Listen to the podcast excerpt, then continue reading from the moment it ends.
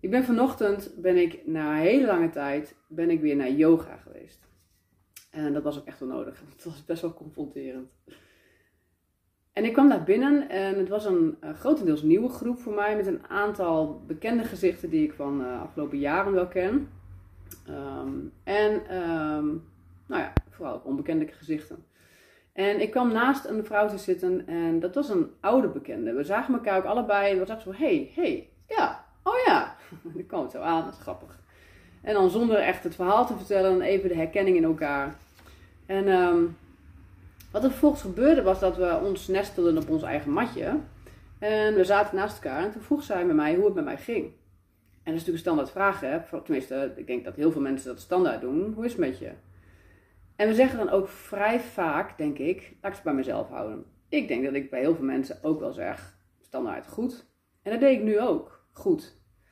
Maar ik voelde tegelijkertijd dat dat niet eerlijk was. En ik voelde ook dat ik in een omgeving was, in een groep was, waarin ik ook niet, niet oneerlijk en, en sociaal gewenst hoef te zijn. Um, dus ik corrigeerde mezelf ook eigenlijk direct. En dat was fijn. Het was fijn om te merken in mezelf dat ik direct eerlijk kon zijn naar mezelf.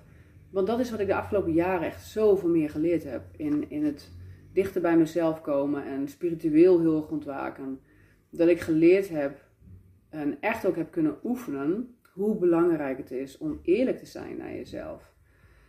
En ik heb zo'n heel groot um, uh, slachtoffer. Nee, en zeg maar, het ego zegt constant tegen mij dat ik daar niet te veel rugbaarheid aan moet geven. Want dan ben je een slachtoffer aan het zijn. En dan vraag je erkenning om. Hè, kijk mij zielig zijn, want ik heb het zo kut. en ik zeg het nu, want het is ook. Ja, je, nu kan ik erom lachen, maar ik heb heel lang heel vastgezeten in dat stuk. Waardoor ik gewoon echt niet durfde te vertellen hoe het echt bij mij was.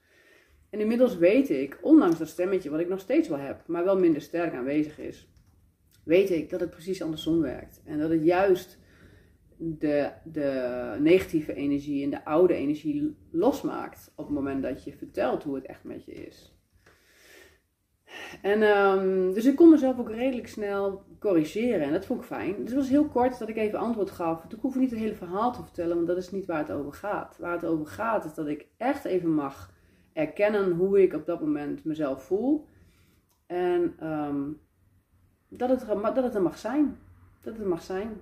Zien. Gewoon kijken naar, naar wat er is. En dat is van zichzelf liefde. Oordeelvrij kijken naar hoe het echt even met mij is op dat moment. Nou, het was een kort gesprek. En toen was de andere buurvrouw, en die kende ik al wat langer, uh, die vroeg mij ook hoe het met mij was. En daar gaf ik uh, een eerlijk antwoord. Um, eigenlijk net zo als bij mijn andere buurvrouw, alleen net even wat uitgebreider. Want ja, het voelt wat vertrouwder, dus dat, dat is nou een keer hoe het werkt. Dan kun je wat vertrouwder, wat, wat uitgebreider vertellen. Um, en ik durfde haar te vertellen dat ik op dit moment in ieder geval, um, dat ik me heel moe voel. En dat, ik, dat het veel is. Ik heb de afgelopen twee weken veel processen gaande. Uh, diepe, uh, hoe zeg je dat? diepe pijn die bovenkomt, een diep verlangen wat, wat geraakt wordt en um, een diepe angst ook die naar boven komt, die daarbij hoort.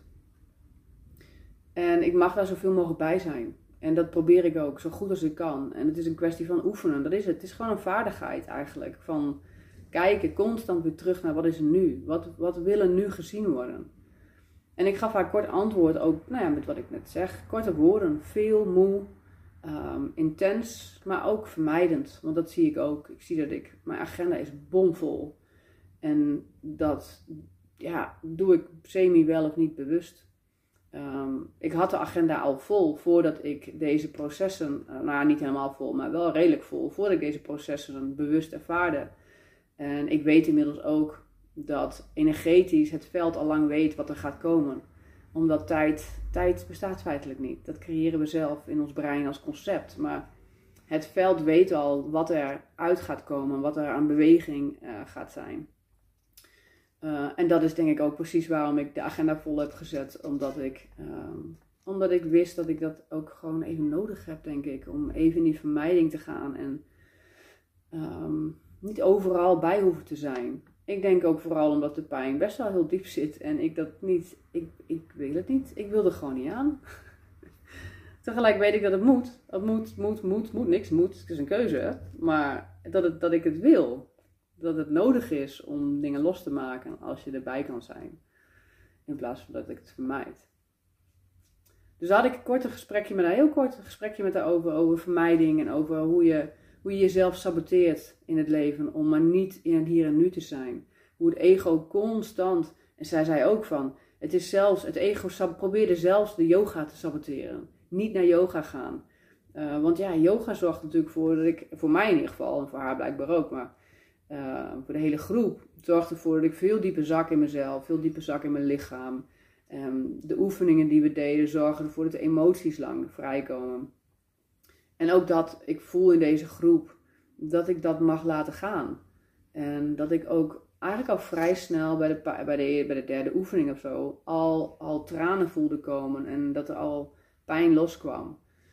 En tegelijk zit er ook schaamte en ongemak op, uiteraard. Maar als ik dan een minuut later mijn buurvrouw ook hoor snotteren, dan is dat wel fijn. Want dan weet je dat je niet alleen bent en dan is het alweer een stuk normaler en dan mag het. En dan, nou ja, geef je elkaar, tenminste ik weet niet hoe zij het ervaren natuurlijk, maar elkaar toestemming of zo. Dat voelt fijn. En even later een derde ook aan het snotteren. Dus het is, heel, het is zo mooi om in zo'n groep te zijn waarin je eerlijk mag zijn naar jezelf. En waarin je eerlijk mag zijn naar de ander. En waarin er niet geoordeeld wordt en ook geen oplossingen worden gegeven. Want dat is denk ik ook wat we heel vaak doen. Direct in een oplossing schieten en het voor elkaar willen fixen. En dat is, vind ik het allermooiste aan deze groep, maar ook, nou ook bijvoorbeeld mijn vrouwencirkel. Dat zijn, dat zijn groepen waar je alleen maar hoeft te zijn. En dat is het meest helende wat er is. Zijn, eerlijk zijn, eerlijk kijken, eerlijk doorvoelen, eerlijk benoemen. Zo goed als je kunt eerlijk zijn, uiteraard.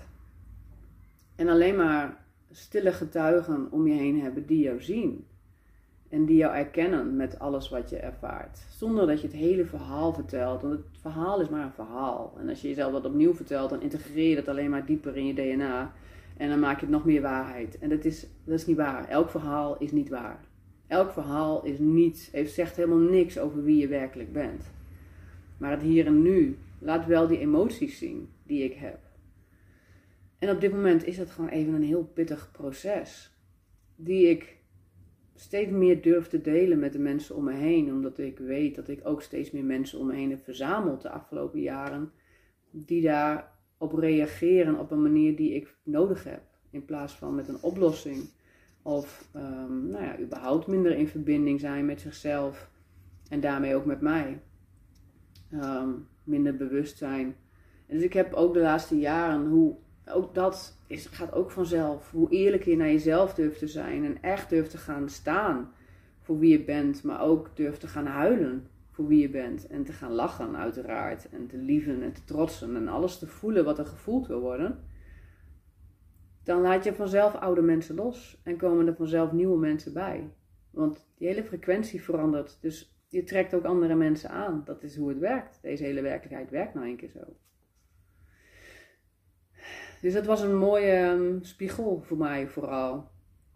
In het zien dat ik ehm, echt al zoveel meer eerlijker naar mezelf durf te zijn dan een paar jaar geleden. Maar ook dan een paar, dan één jaar, dan een maand geleden. Ehm, ja. En het mooie was ook, als laatste afsluiter, is dat ik uh, tijdens de yoga ligt er altijd een kaartendek uh, rondom uh, het midden. het elke keer wat anders. Um, en uiteraard trok ik deze keer, zoals heel vaak, het universum dan synchroniseert als je echt in het hier en nu bent en één bent met wat er op dit moment ervaren wil worden. trok ik de kaart Nurturing Self-Care. Voor jezelf zorgen. Ja, dus ik mag echt, echt zoveel meer voor mezelf gaan zorgen. De yoga was zo fijn weer. En ik voelde aan mijn lichaam zo confronterend hoe weinig ik voor mezelf zorg. Hoe weinig ik de tijd neem om überhaupt stil te zitten. Alleen al op dat matje te liggen met, met 10, 12 dames om me heen. Gewoon in stilte zijn, voelen. Ik, ook zelfs nu voel ik weer direct een brok omhoog. Het is direct emotie wat wil stromen als ik dat doe. Maar ja, we leren onszelf zo aan om dat allemaal vast te zetten en weg te stoppen en weg te duwen en maar door en maar de volgende afspraak. En ook nu weer de hele agenda vol. Oh, en elke keer zie ik het weer en denk ik, wat ben je nou weer mee bezig? Maar ja, oefenen, oefenen, oefenen, blijven oefenen, oefenen. Bewust worden en elkaar eraan herinneren, zoals ik hoop ook met deze video's andere mensen eraan te herinneren. Hoe belangrijk het is om echt, echt even stil te staan. En vooral eerlijk te zijn. En ook eerlijk te zijn en als je niet eerlijk kunt zijn naar jezelf. Want dat is ook eerlijk. Daar ben je, doorbreek je net zo goed die paradox. Nurturing self-care. Tot de volgende keer.